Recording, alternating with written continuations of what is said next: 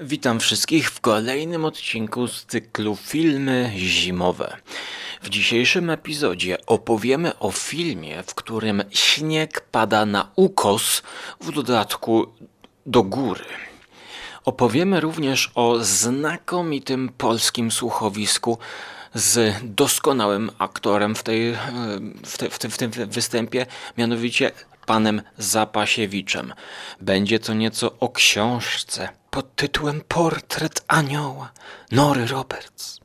A w dodatku kilka słów również o pewnej płycie nowojorskiej z zimowym posmakiem. Tak więc ja biorę herbatę indyjską Darjeeling do ręki. Second flash, bo first flash z Darjeelingu znacznie różni się od second flash. Zapraszam do kolejnego zimowego odcinka, który był planowany na spacerze, ale o tym po intro.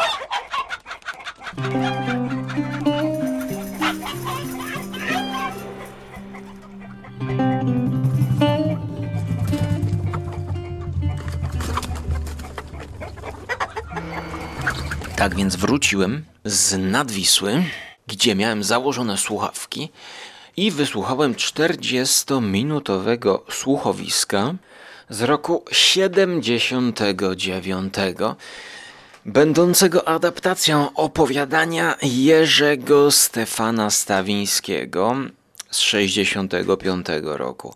Wróciłem do domu, nastawiłem frytki w piekarniku mrożone.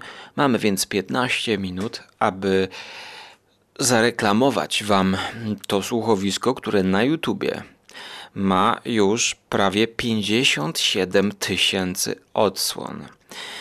To jest rewelacyjne słuchowisko, które mogę polecić wszystkim fanom strefy mroku. Zapraszamy do naszego radiowego teatru. Z taśm archiwalnych odtworzymy słuchowisko pod tytułem Wieczór przedświąteczny według opowiadania Jerzego Stefana Stawińskiego.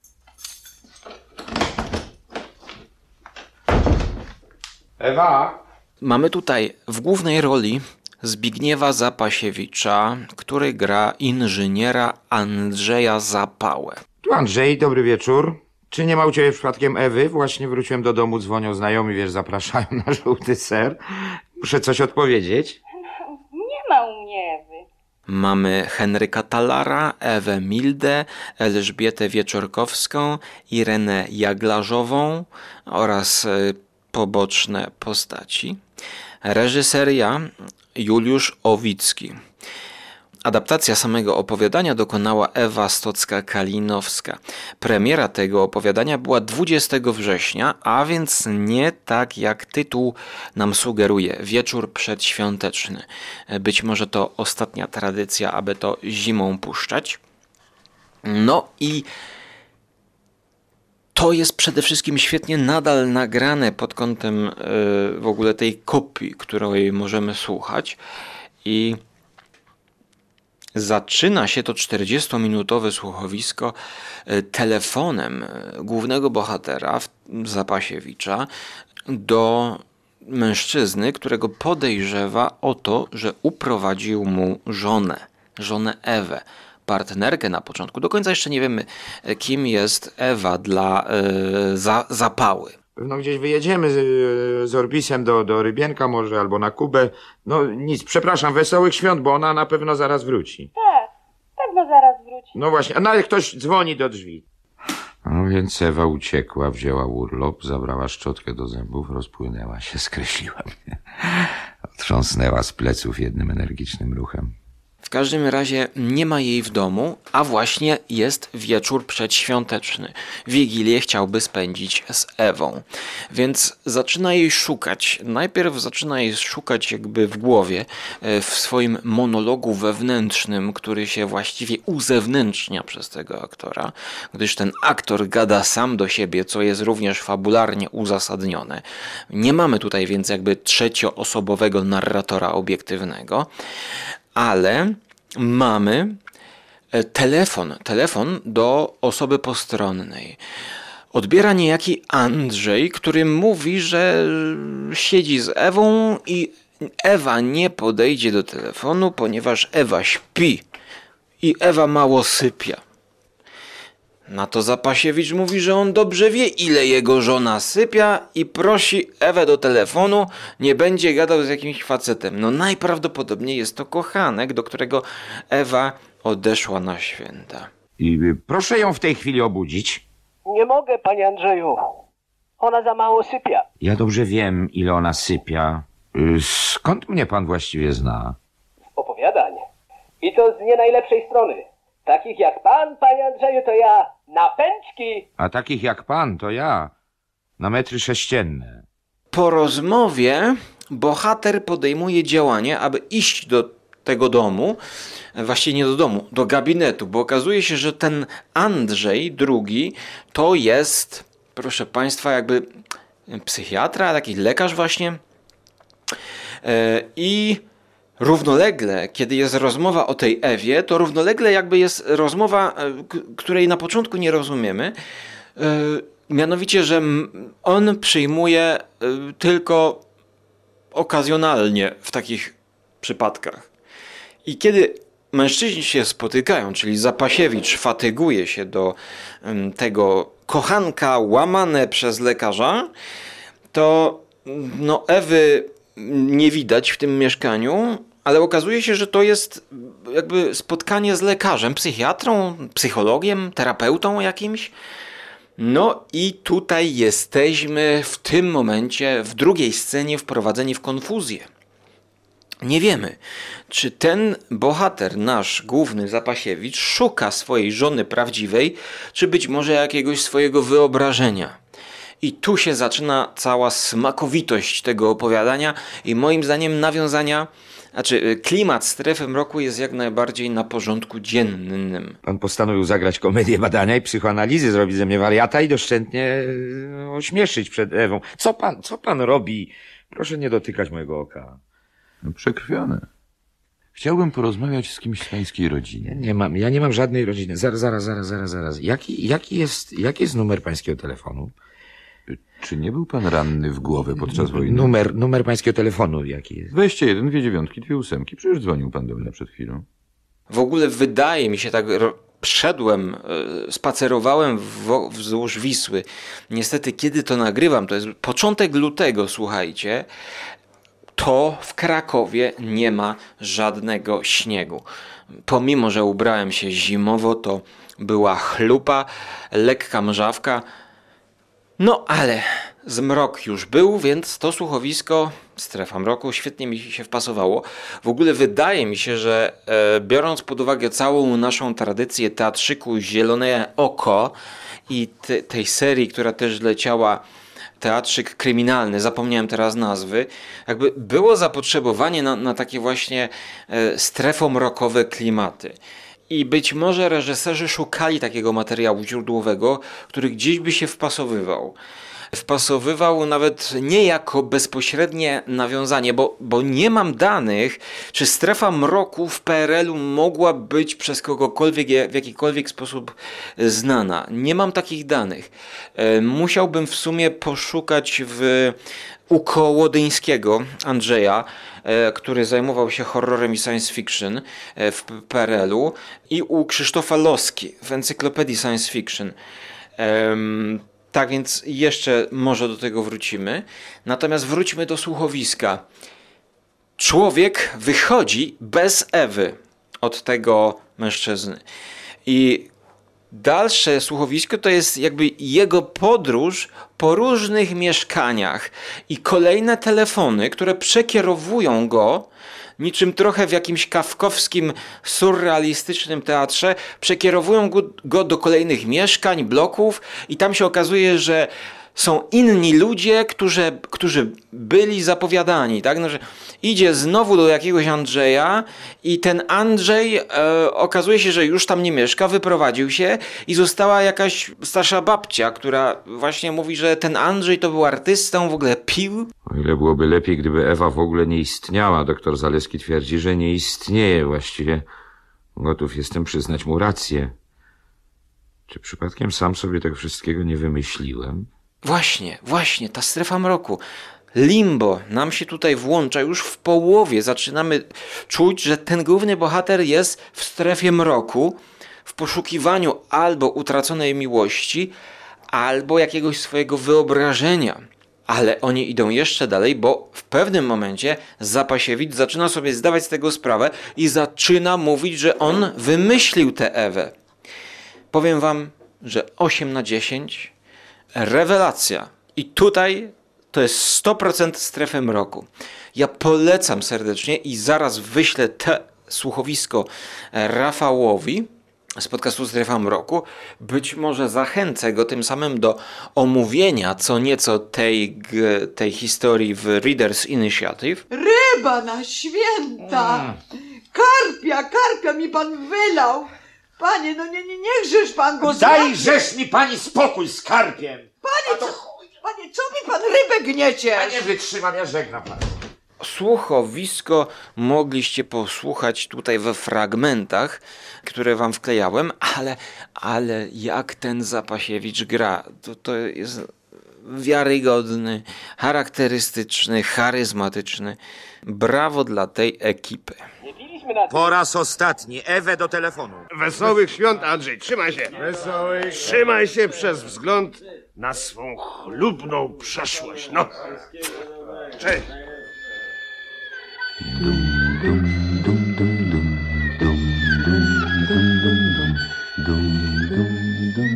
Niestety nie ma tutaj e, śniegu zaznaczonego, poza kilkoma może scenami na zewnątrz, kiedy bohater wchodzi do blokowiska.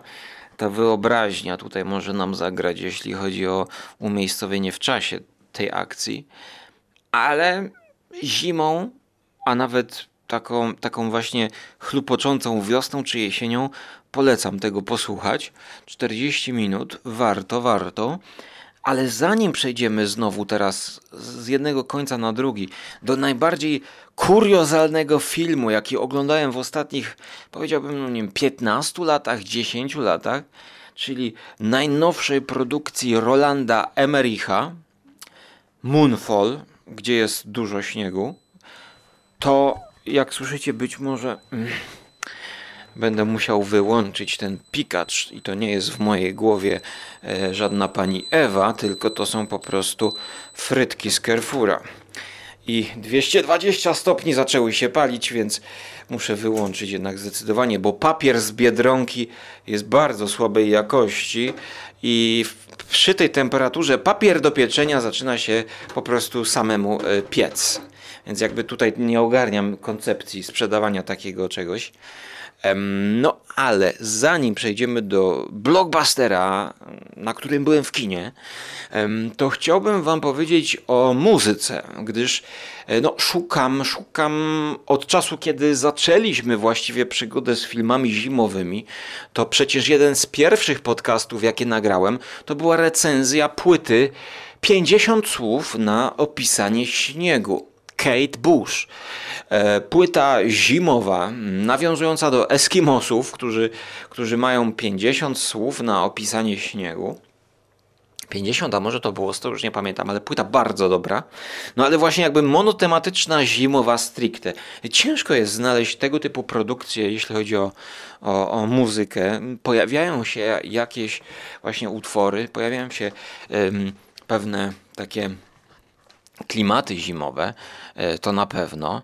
E, No ale może, może coś będę mógł dla Was e, znaleźć, co właściwie em, dla mnie jest, jest pewną now- nowością. E, mianowicie Nowy Jork i facet, łysy facet, który nazywa się Thor Lundwall. I mm, najprościej znaleźć go na Bandcampie, czyli torlundwallbandcamp.com. Mm, Thor jest malarzem i muzykiem, e, który na swoim koncie ma e, sporo, sporo albumów, gdzie pojawiają się motywy zimowe. Na przykład Na przykład album bodajże z roku 99, który został wypuszczony w 2018, a nagrywany był w latach 90., nosi tytuł Lód, Ice. I na okładce tego mamy właściwie ten chyba Nowy Jork zdecydowanie w tle. E, podejrzewam, że są to właśnie obrazy. Wszystkie okładki jego płyt ozdabiają jego obrazy. I często na tych obrazach mamy właśnie klimaty zimowe.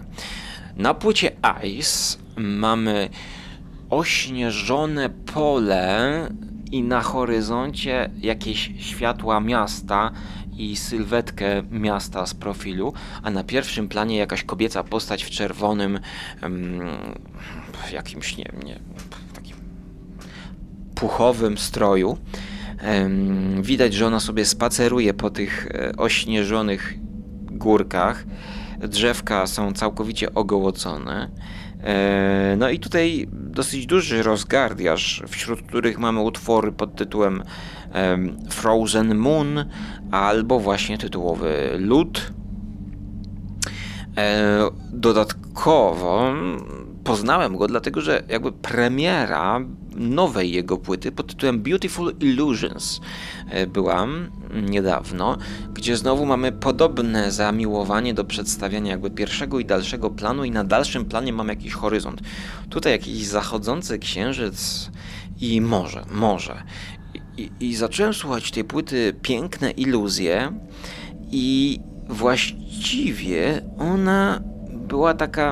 Mm, no taka bardziej może jesienna, ale zainteresowałem się i na Bandcampie jego poprzednia płyta pod tytułem Jul, pisane przez Y i U L E, Jule, jest no już zimowo-świąteczna. Znowu ta postać z pierwszej płyty, tej takiej dziewczynki, tym razem w ubraniu niebieskim i znowu na pierwszym planie pagórki śniegu, na drugim planie mamy choinkę ze światełkami, no, takimi właśnie świątecznymi i dalej już y, zmrok, nas, taki zmrok, mamy oświetlone domki, palą się światełka, myślę, że jakaś wigilia. Tym bardziej, że wśród utworów mamy utwór trzeci, Christmas Eve. Mamy potem 12.00, czyli być może pasterka. Mamy Snowy Morning i mamy Yule Song, gdzie mamy wokal. Tutaj mamy trzy, utw trzy utwory z wokalem, reszta to instrumentalne. Potem mamy Fading Light, potem mamy styczeń, White on Grey, czyli biały kolor na szar szarym. Oczywiście, kiedy pada śnieg, to, to, to biały na szarości. I ostatni 20-minutowy kawałek Falling Snow, spadający śnieg. No i to jest taka płyta, powiedziałbym, którą mógłbym polecić e, do zasypiania trochę, może do takiego przygotowywania się do snu. On takie trochę koncepcyjne ma podejście, bo wśród jego albumów e, mamy na przykład płytę pod tytułem The Park, czyli Park. I znowu jego obraz, ten sam styl, mężczyzna siedzący na ławce w parku. Y, to była płyta, którą nagrał w 2011 i tutaj jakby koncepcja była prosta, żeby jakby za pomocą tej muzyki oddać spacer po parku. Tak więc mamy albumy pod tytułem Mgła, e, mamy albumy pod tytułem Empty City i ciekawy, ciekawy album pod tytułem Shipyard, czyli stocznia. I właśnie do tej stoczni chciałbym się wybrać, bo lubię takie odgłosy statków. E, natomiast e, jeszcze, jeszcze będę wchodził w tę muzykę, bo ta muzyka pozwala słuchać siebie samej i na przykład czytać coś. okładki będące jego obrazami są dosyć takie, puf, takie rozmarzone, ale kojarzą mi się z ilustracjami z gry planszowej pod tytułem Dixit. Taka familijna gra, gdzie mm, układamy karty z takimi surrealistycznymi obrazkami, które są ni to straszne, ni to dziecięce, takie dosyć wyś wyśrodkowane i zgadujemy, co ktoś miał na myśli. To jest taka gra e, Dixit. No, duży sukces. E, polecam zagrać w gronie rodzinnym. To jest na pewno fajna gimnastyka umysłowa i to jest i coś dla dzieci, i coś dla dorosłych. To tą grę mogę polecić. Takie właśnie mam skojarzenie. Takie takiej sennej muzyki trochę, takiej rozmarzonej, takiej rozwleczonej trochę i przeważnie chłodnej. Tylko zanim przejdziemy do chłodu umysłowego, mm, jaki zapodał nam Roland, to posłuchajmy trochę fragmentu, dosłownie e, tej 20-minutowej suity pod tytułem The Falling Snow. Chcę tylko dodać na koniec, że no, trudno mi wystawić ocenę i wybrać najlepszy album, dlatego że dosłownie wczoraj e, odkryłem e, tego artystę, który notabene jest synem, e, synem swojego ojca o tym samym nazwisku, Y, który był bodajże jazzmenem w wytwórni Blue, y, Blue Note Records, czyli Blue Note to jest bardzo taka ważna y, wytwórnia, która taki bardziej może chilloutowy jazz promowała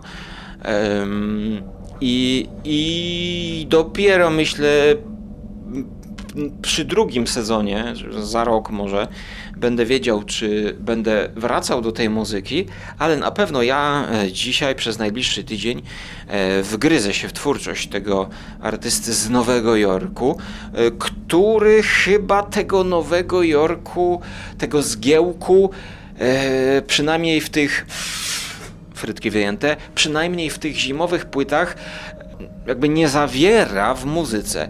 Raczej miejsce malarza za sztalugami jest właśnie gdzieś poza tym miastem wielkim. Jest właśnie gdzieś na tych ośnieżonych pagórkach, bo każdy jego obraz to są właśnie te ośnieżone pagórki. Znaczy każdy, no te, te, te zimowe, niebieskie, takie nocne płyty powiedziałbym. To jest artysta, malarz, który patrzy na to miasto ze strony e, oddalonej, z dystansu patrzy na to miasto. Więc mamy tutaj spokój i ten Nowy Jork jest nieobecny w tej muzyce, powiedziałbym. E, dlatego, kiedy zjedziecie ze stoku, to może być to świetna muzyka do tego, aby się troszkę tak, troszkę się rozluźnić, a nawet kiedy są wokale, to ta muzyka bardziej przypomina jakieś takie lata 80. rozimprowizowane. Ten wokal się nie narzuca. To, to nie jest forma piosenki, pomimo że te utwory są krótkie. Tak. A teraz ja e, muszę zjeść frytkę i powiedzieć Wam, że ta audycja sponsorowana przez patronów mojej skromnej osoby. Dlatego polecam utrzymywać subskrypcję na Patronite Audio, gdyż można dostać e, bonusy, nie tylko takie jak przedpremierowe audycje, zaraz po zmontowaniu, ale także bonusy wideo. A przede wszystkim świadomość, że mam siłę nagrywać jeden odcinek na tydzień i utrzymywać to tempo, z czym jest ostatnio coraz trudniej. Ale dziękuję patronom i teraz ja sobie zjem, jak już się zregeneruję, to przejdziemy do blockbustera, który o, rozwalił mi głowę od środka. I to nie chodzi tylko o scenę śniegu padającego na ukos do góry.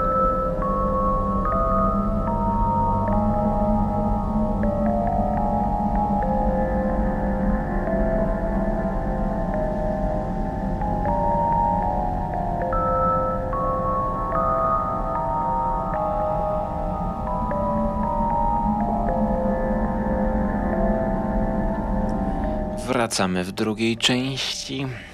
Śniegu za oknem wciąż nie ma.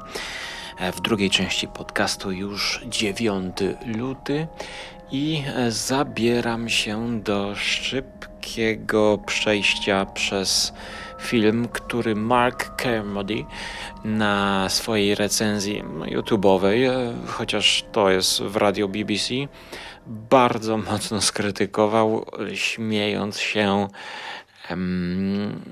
komentarze pozytywne, mówiące, że jest to chyba jeden z największych rantów Marka Carmody że teraz to koniecznie już muszą obejrzeć ten film. E, 3 na 10. 3 na 10 poszło dla Rolanda Emericha. because this has got it's like it's like Roland Emmerich was thinking uh, what am I going to do? Am I going to am I going to rip off you know Gravity? Or am I going to rip off or, or or maybe maybe Event Horizon? Yeah, there's a bit of Event Horizon in there, and maybe oh I'll do a bit of Stanley Kubrick's 2001, and then Sharknado. I'll do Sharknado, and it's the the level of stupid is so brilliant that it's almost magnificent. I mean, it's terrible. It's the stupidest film I have ever seen in my whole life, and I'm grinning from ear to ear. There's a moment in it in which there's two characters. There's a car chase, and they're shooting at each other. And they go bang, bang, bang, bang, bang, bang, bang. And then Michael Pena puts his hand in the car and goes, They're shooting at us. And you go, I know. We just we literally saw. There was that was what the bullets coming through the thing was that they're shooting at you. This is what happened down the ground. I mean, you're going, wow. I mean, really, wow. I, at some point, somebody must have had a script meeting and gone, Roland, I'm not entirely sure about all of this working. W głównych rolach Patrick Wilson, Hal Berry i John Bradley. Mm, Oczywiście chodzi o film ponad dwugodzinny. To jest wycieczka na księżyc, który spada na ziemię.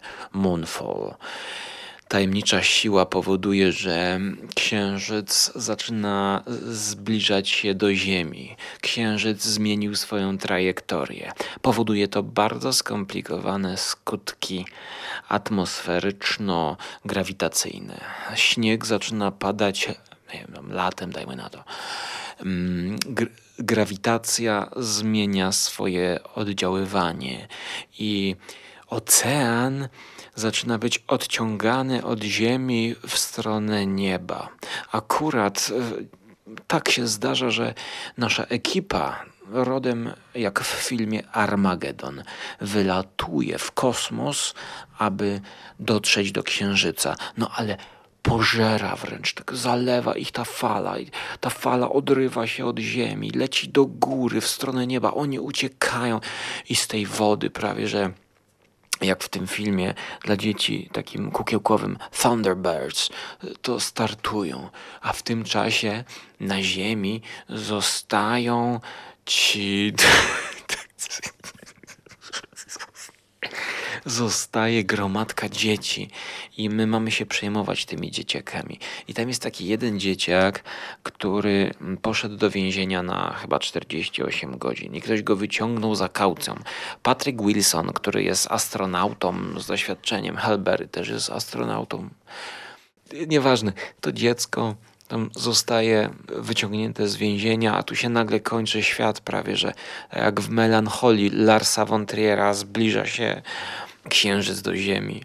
I za każdym razem, jak widzę twarz tego chłopaka, to mam wrażenie, że on powtarzać chce tą swoją ostatnią kwestię. O, dzięki, że wyciągnąłeś mnie z więzienia.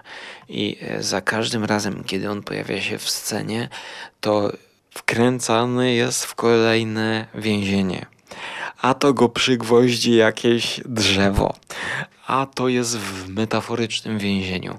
E, to w sumie w podcaście nie będzie śmieszne, ale mnie bardzo śmieszyło, gdybym to oglądał z kimś na kanapie przy, z, z piwem, dajmy na to, to ciągle bym komentował na temat tego, co ta postać mogłaby powiedzieć w kontekście tego, że znowu jest uwięziona. W każdym razie mamy tutaj te zmieniające się warunki grawitacyjne, no i do tego śnieg, tak? Więc połączcie sobie to dwa w jedno, tak? Śnieg padający mm, właściwie pod ukosem, tak? Bo ta fala grawitacyjna to ona zmienia się stopniowo. Więc ten śnieg pada w kształcie takiej literki, dajmy na to V, tak? No ale jak spadnie, to potem leci do góry, to się właściwie wykręca, trochę tak jak w Incepcji, to, to to miasto się wykręca tak jak w Incepcji, nie? Mm.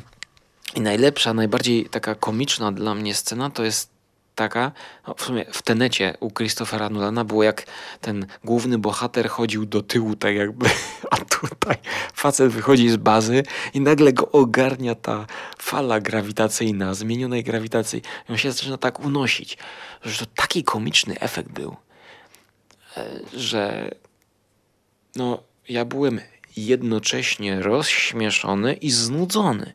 No nie wiem, chyba najgorsza kombinacja, bo to, to jest po prostu takie parskanie. Roland, what are you doing? Oh man, what are you doing?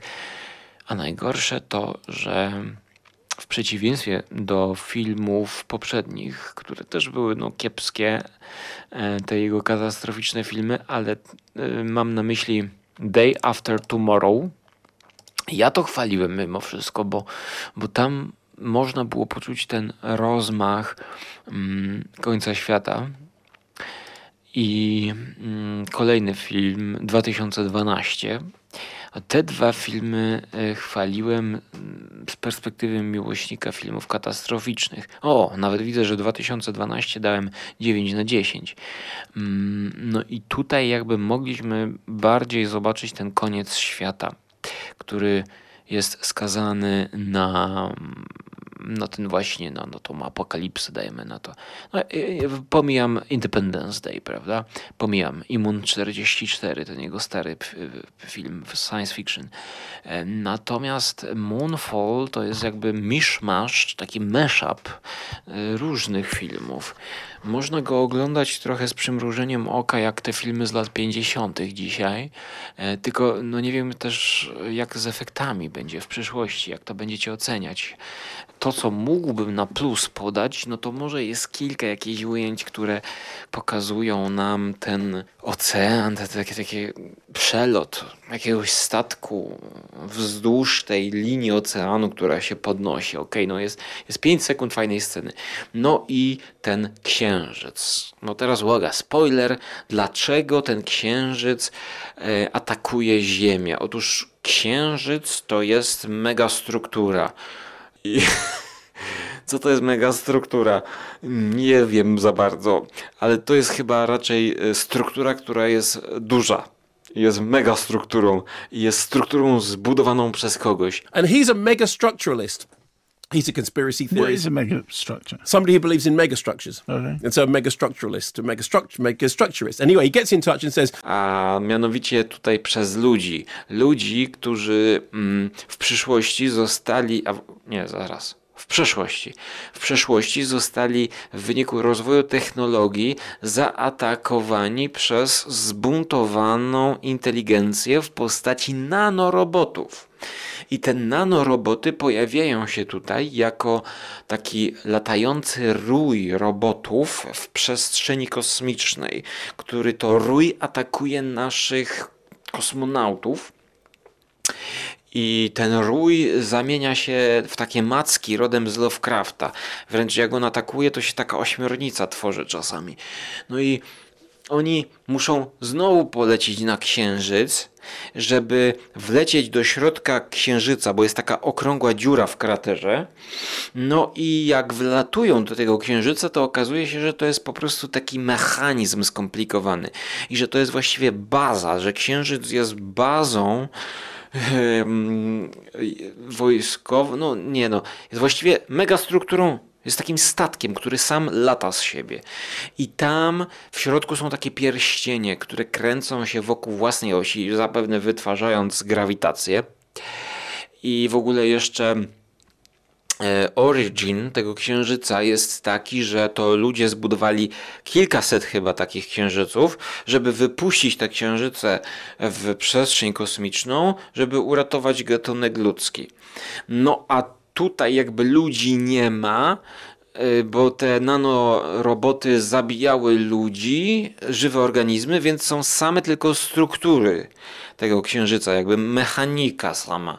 No i na przykład są tam statki, więc nasi kosmonauci wlatują do, do środka księżycu i się okazuje, że ten Dark Side of the Moon to, to, nie, by, to nie jest ta strona za księżycem, której nie widzimy w nocy. Tylko Dark Side of the Moon zawsze była w środku księżyca. No i, i to nie jest tak jak w tym filmie o nazistach, że tam naziści są po drugiej stronie. Tutaj y, właściwie y, jest rój nanorobotów. I i te, to, i, i właśnie, ja się śmieję, ale, ale ten księżyc w środku to są fajne efekty specjalne i to jest fajnie pokazane też. Ale, ale ten film się nie klei mm, do kupy, ponieważ yy, ja siedziałem w kinie, ja siedziałem w kinie i kątem oka widziałem takiego gościa, który wydawał mi się, że zafascynowany był tak go to angażowało, tak go to jakby wciągnęło, jak te nanoroboty do tej dziury w księżycu. Ale y, co jeszcze chodzi o zimę? No, no zima jest na tym y, świecie ziemskim. Mark Carmody powiedział, że tam są sceny trochę jak z gry komputerowej, że samochody skaczą, ludzie skaczą, tam się dziury robią, trochę jak z platformówki, bez żadnych konsekwencji właściwie. I jeszcze jest naukowy bełkot. Gdyby wyciąć tego naukowego bełkotu, to może chociaż 10 minut byśmy życia zaoszczędzili.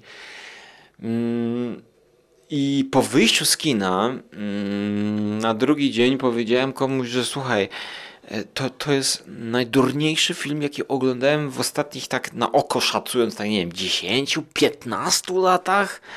Moonfall, naprawdę. I jeszcze taki budżet. Jak można wydać tyle pieniędzy na takie dno? No, ja, ja, ja nie, po prostu nie. No, ten film z Geraldem Butlerem, który notabene recenzowałem e, w podcaście, e, gdzie, gdzie jest też jakiś taki koniec świata, zbliża się kometa, to był o wiele lepszy niż, niż to, a tam e, nie było efektów specjalnych, było jakby, no hmm, już nie pamiętam, ale co było właśnie, tam ostatnia scena, co Lance Henriksen się pojawia,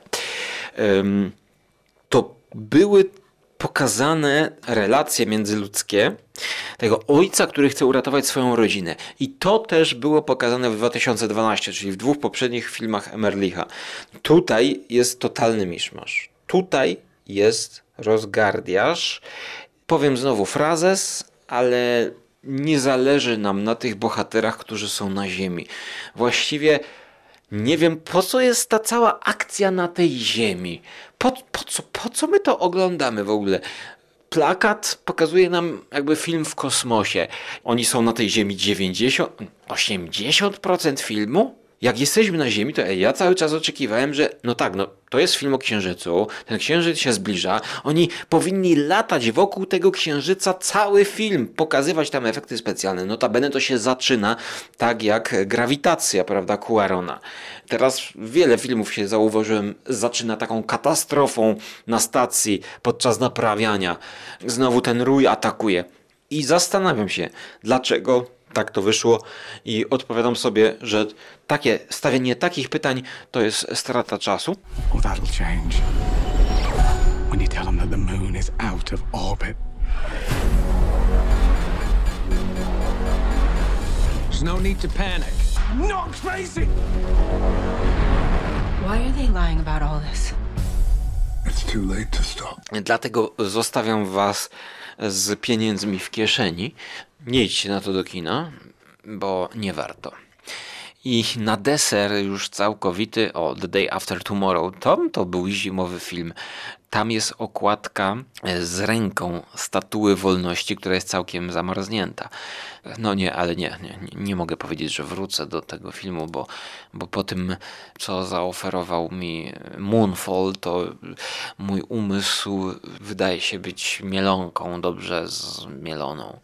I nawet jeżeli sięgnąłbym po literaturę dla kobiet, romansidło, to czułbym większy związek emocjonalny z Gabe'em Bradleyem, artystą, malarzem, który szuka twórczego natchnienia w górskiej chacie.